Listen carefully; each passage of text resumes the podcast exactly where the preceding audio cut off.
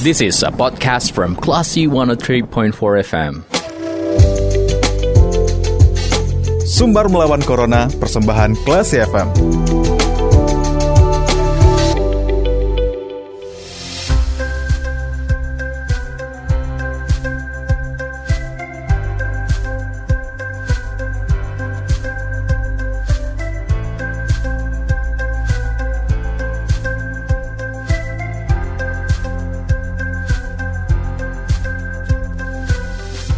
103,4 Kelas FM is the actual radio. Classy People saatnya Anda mencermati program Sumber Melawan Corona Bersama saya Radi Pradata.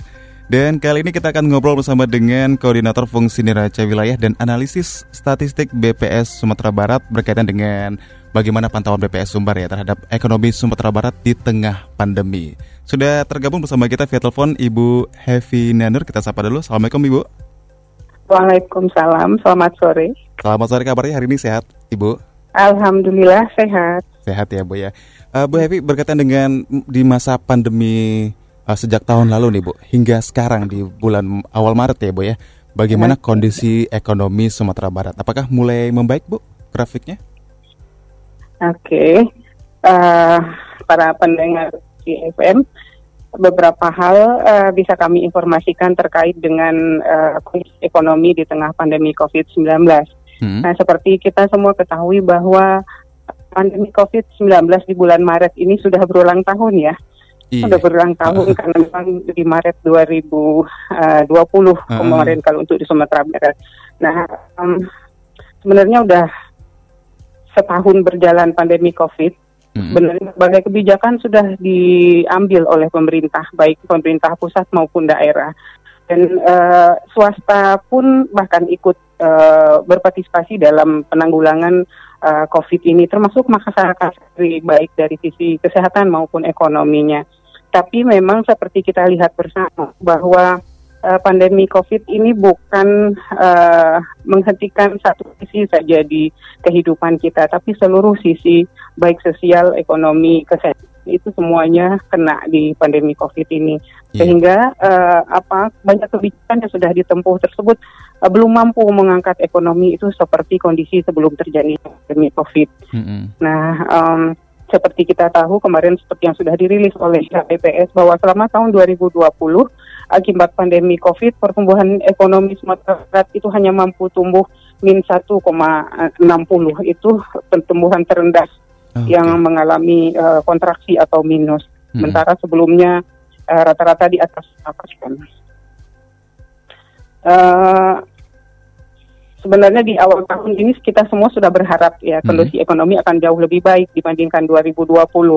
Tapi uh, kita semua juga mengetahui bahwa masih banyak aturan-aturan uh, yang harus kita semua patuhi terkait hmm. dengan uh, agar tidak semakin uh, menularnya COVID-19 ini uh, di sisi di satu sisi pemerintah ingin menggiatkan ekonomi tetapi di sisi hmm. lain tetap uh, masih uh, harus dibatasi banyak kegiatan yang um, masih kita uh, batasi yeah. termasuk hmm. juga uh, wisata lah terutama karena memang Sumatera Barat kan daerah wisata hmm. jadi memang uh, masih dibatasi walaupun uh, sedikit lebih baik sebenarnya dari tahun 2020 tetapi masih masih banyak aturan dan tanpa aturan pun uh, masyarakat sendiri juga masih berpikir untuk melakukan kegiatan-kegiatan yang memang uh, tidak begitu penting karena khawatir tertular pandemi COVID ini.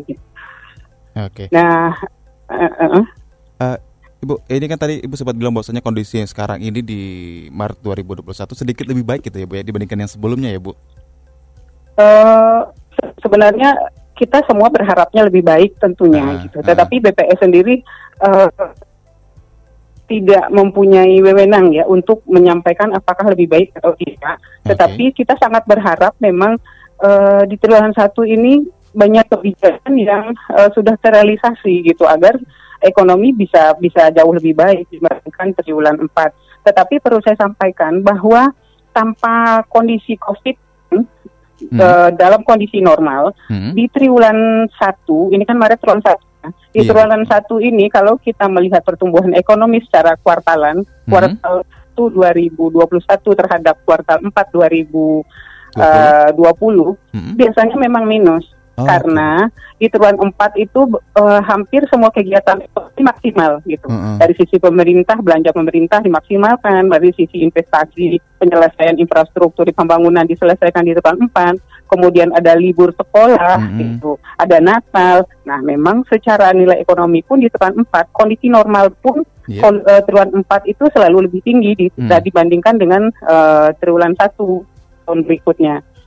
Nah gitu, tetapi kita nggak tahu ke depannya karena memang triwulan 4 kemarin juga masih eh, negatif. Mm-mm. Kalau triwulan 1 ini mampu eh, belanja pemerintah, terutama untuk belanja barang dan belanja modal realisasi, itu juga akan membantu eh, pertumbuhan ekonomi di triwulan 1. Tapi seperti kita ketahui bahwa belanja modal, terutama untuk eh, APBD, itu Hmm. biasanya masih belum banyak dilakukan Iya. di triwulan 1 karena masih ada persetujuan DPR, masih ada perencanaan dan lain-lain gitu. Jadi eh, kalau saya sendiri tidak begitu optimis, tetapi kita berharap tentu Iya, akan uh-uh. lebih baik dibanding tahun kemarin gitu. Oke. Nah, kalau di eh, kuartal 4 tahun 2020 yang lalu Ibu eh, yang Mm-mm. mungkin agak membaik mungkin ya Bu ya dibandingkan kuartal ketiga tahun 2020 mungkin ada Bu sektor-sektornya? Oh iya, kalau kalau di triwulan 3, 4 2020 itu dibandingkan triwulan 2 dan triwulan 3 2020 memang eh, uh, jauh membaiknya. Jauh gitu. membaik ya Bu ya. Heeh. Nah, ah, yang paling dalam itu kan pertumbuhan ekonomi itu kontraksi di triwulan 2. Karena Mm. memang di saat sebelum pandemi kemudian di triwulan 2 itu pandemi dan kita langsung PSBB dan lain-lain itu memang dari 3,89 eh, di di triwulan 1 2020 itu langsung anjlok ke minus 4,92 Oh, minus oke. 4 langsung. Namun di triwulan 3 karena sudah be- ada beberapa yang boleh buka, kita Hmm. sudah bisa uh, berpergian walaupun masih terbatas gitu. Itu sudah mampu uh, menurunkan minusnya pertumbuhan ekonomi menjadi min 2,91. Mm-mm. Nah, tetapi antara triwulan 2 dan triwulan 3 ini sebenarnya sangat terkait dengan daya beli masyarakat gitu. Hmm. Karena dari triwulan 2 sudah banyak yang uh, usaha-usaha kecil yang ditutup, banyak Hmm. PHK, banyak pengurangan jam kerja. Nah, itu berdampak ke triwulan 3 sehingga di eh, eh, triwulan 4 sehingga di triwulan 4 itu uh, memang lebih kecil minusnya tapi Oke. uh, perubahan dari triwulan 3 itu hanya sedikit. Hmm. Di triwulan 3 itu 2,91, di triwulan 4 itu min 2,23. Baik. Nah, tapi dengan eh, sedikit mem- membaiknya kondisi di kuartal ke keempat tahun 2020, Bu, apakah eh, tidak ada kemungkinan mendongkrak eh, pertumbuhan juga di kuartal pertama di 2021 ini, Bu? Eh, sebenarnya ya itu dia kita harus melihat eh, perkembangan di triwulan satu ini. Mm-mm. Kita se- semua juga bisa lihat penerbangan juga masih seperti itu kan kondisinya, Iya, ah, belum ah. maksimal. Jangankan maksimal, mungkin belum separuh dari kondisi normal juga belum. Bandara masih sepi Mm-mm. dan orang masih berpikir di eh, dengan eh, apa angkutan udara. Nah, otomatis juga wisata karena angkutan udara terkait dengan wisata juga. Mm-mm. Nah, angkutan udara juga sangat terkait dengan wisata dan itu otomatis juga penginapan di hotel juga eh, masih sangat sangat rendah tingkat penghunian kamar hotel. Nah, itu yang eh, masih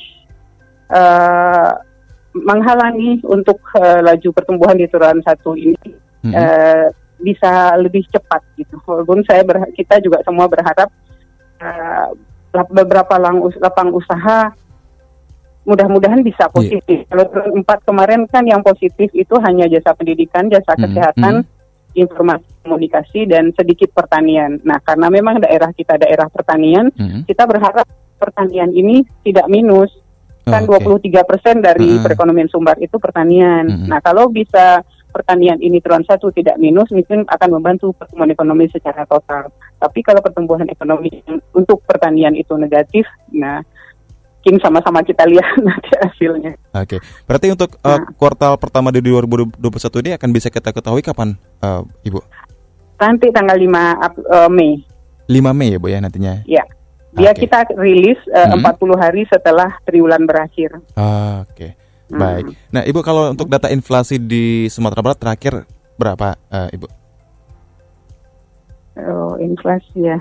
Mohon maaf saya nggak pegang data inflasi Oke. karena tadi eh, saya nggak pegang datanya kalau tadi disampaikan. Kan kebetulan memang beda bidang yang menangani, Mm-mm, karena mm. beda bidang, beda koordinator fungsi yang menangani. Mm. Jadi saya khusus menangani yang masalah pertumbuhan Ah, oke. ekonomi. Baik. Mm. Nah, eh, Ibu Evi, kalau tadi kan Mm-mm. eh, dikatakan juga bahwa pertumbuhan kita tuh minus gitu ya, Bu ya. Ini Ya. ber- eh, memiliki dampak juga nggak, Bu, dengan angka kemiskinan di Sumatera Barat? Ya, tentu saja kalau oh, oh, pertumbuhan ekonomi kita memang eh, sangat menentukan juga, oh, sangat berkaitan juga dengan kemiskinan. Seperti kita tahu kemarin juga angka kemiskinan eh, jumlah penduduk miskin Sumatera Barat juga mengalami pertambahan Oh, tahun oke. kemarin, Heeh. bertambah sedikit, cuman karena eh, kebetulan saya nggak megang. Tapi jelas dari rilis angka Hmm. kemiskinan kemarin juga eh, jumlah penduduk miskin Sumatera Barat juga bertambah. Ya seperti tadi yang saya sampaikan bahwa eh, kita ini kan merupakan satu sistem ya apa yang Mm. kita lakukan eh, apalagi di ekonomi ini sistem sebab akibat semua. Iya. heeh. Nah dengan dengan pertumbuhan ekonomi yang rendah ini sebenarnya cerminan dari daya beli masyarakat yang rendah. Nah daya Oke. beli masyarakat tentu terjadi karena kemarin itu beberapa ada yang PHK, kalaupun Mm-mm. tidak PHK ada pengurangan jam kerja, Mm-mm. kemudian di pegawai negeri sendiri yang biasa ada gaji 13 kemudian tidak ada, itu Mm-mm. berapa j- banyak eh, daya beli masyarakat berkurang jadinya. Oke. Nah, sementara eh, di sisi masyarakat menengah ke atas pun, walaupun mereka mempunyai pendapatan menengah ke atas, tetapi karena berbagai pembatasan Mm-mm. dilakukan karena PSBB, Mm-mm. mereka juga tidak bisa melakukan kalau menengah ke atas itu kan akan meningkatkan konsumsinya untuk misalnya di bagian leisure kalau kita menyebut di ekonominya ya untuk Iya. kesenangan mereka yang Oh, mungkin jalan-jalan, nginap Mm-mm. di hotel, naik Mm-mm. pesawat ke tempat wisata. Nah, itu selama eh, PSBB pun selama Covid pun sangat dibatasi gitu. Sehingga Iya, memang iya. Eh, ekonomi yang tercipta itu tidak kondusif gitu baik karena daya beli masyarakat eh, miskin ke bawah berkurang ataupun Mhm. karena pembatasan pergerakan untuk masyarakat menengah ke atas. Oke. Baik. Nah, kemudian eh, Bu Evi ini juga eh, memiliki dampaknya dengan misalnya naiknya harga bahan pokok atau mungkin turun bahkan Bu, mungkin? Eh, sebenarnya kalau dari ilmu ekonominya, kalau eh, permintaan permintaan yang rendah tadi Iya. karena daya beli yang rendah itu otomatis oh, harga itu akan terkendali. Oke. Beberapa Heeh. harga malah eh, tidak mengalami inflasi tidak tinggi. Mhm. Kalaupun ada inflasi sekarang itu tidak setinggi sebelum Covid. Mm-mm, Nah mm. karena eh, otomatis kalau daya beli rendah, kemudian ada produksi, otomatis harganya akan rendah. Nah, atau normalnya harga ini makanya tidak memacu inflasi yang tinggi. Beberapa komoditi eh, normal, Mm-mm. ada beberapa yang mengalami eh, penurunan. Ada yang naik tapi tidak banyak. Naik tapi tapi tidak banyak ya Bu ya. Mm-mm, tidak banyak. Kalau tadi ya, Ibu juga sempat mengatakan salah satu indikatornya kan eh, kunjungan ke Sumatera Barat gitu ya Bu ya, untuk eh, pertumbuhan Mhm. ekonomi kita. Nah, kalau dari hasil pantauan dan kajian BPS Sumbar di Bu, kondisi kun- kunjungan di provinsi kita seperti apa sekarang ini Bu? eh angka pasti saya kebetulan tidak megang. Hmm. Sebenarnya dari kalau angka kunjungan wisata itu untuk wisatawan dari luar provinsi itu masih kalaupun meningkat masih masih rendah sekali peningkatannya Iya, karena eh, terkait dengan pembatasan penerbangan dan eh, melakukan kegiatan berkumpul tadi gitu. Tapi di untuk masyarakat di dalam Sumbar sendiri sebeberapa tempat wisata sudah mulai sudah mulai ada kunjungan gitu. Tapi Iya. normalnya tentu belum tercapai. Nah kita juga berharap dari hal-hal yang sudah boleh dilakukan dan sudah ada kelihatan Mhm. seperti juga eh, tempat restoran, rumah makan sudah mulai ramai lagi walaupun belum eh, sebelum belum maksimal seperti Mhm. 2000 sebelum pandemi Covid. Kita berharap dari kegiatan-kegiatan yang seperti itu yang eh, bisa besok menciptakan eh, angka pertumbuhan ekonomi membantu mengangkat pertumbuhan ekonomi. Oke, baik. Eh, Ibu Evi, terima kasih banyak Ibu sudah menjabarkan informasi mengenai kondisi Sumatera Barat di tengah pandemi ini. Sama-sama. Oke, Oke. dan selamat kembali beraktivitas Ibu. Salam- Oke, terima kasih sama-sama. Assalamualaikum. Assalamualaikum. Waalaikumsalam. Baik, Klasiful, demikian obrolan kita bersama dengan Ibu Hevi Nadur. Beliau ini adalah Koordinator Fungsi Neraca Wilayah dan Analisis Statistik BPS Sumatera Barat ya mengenai pantauan BPS Sumbar mengenai ekonomi Sumbar di tengah masa pandemi. Kalau gitu saatnya saya Radhi Pranata pamit program kita lanjutkan kembali. Terima kasih.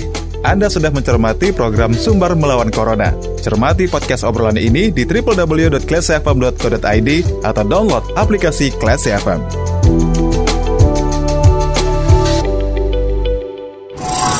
This is a podcast from Classy 103.4 FM.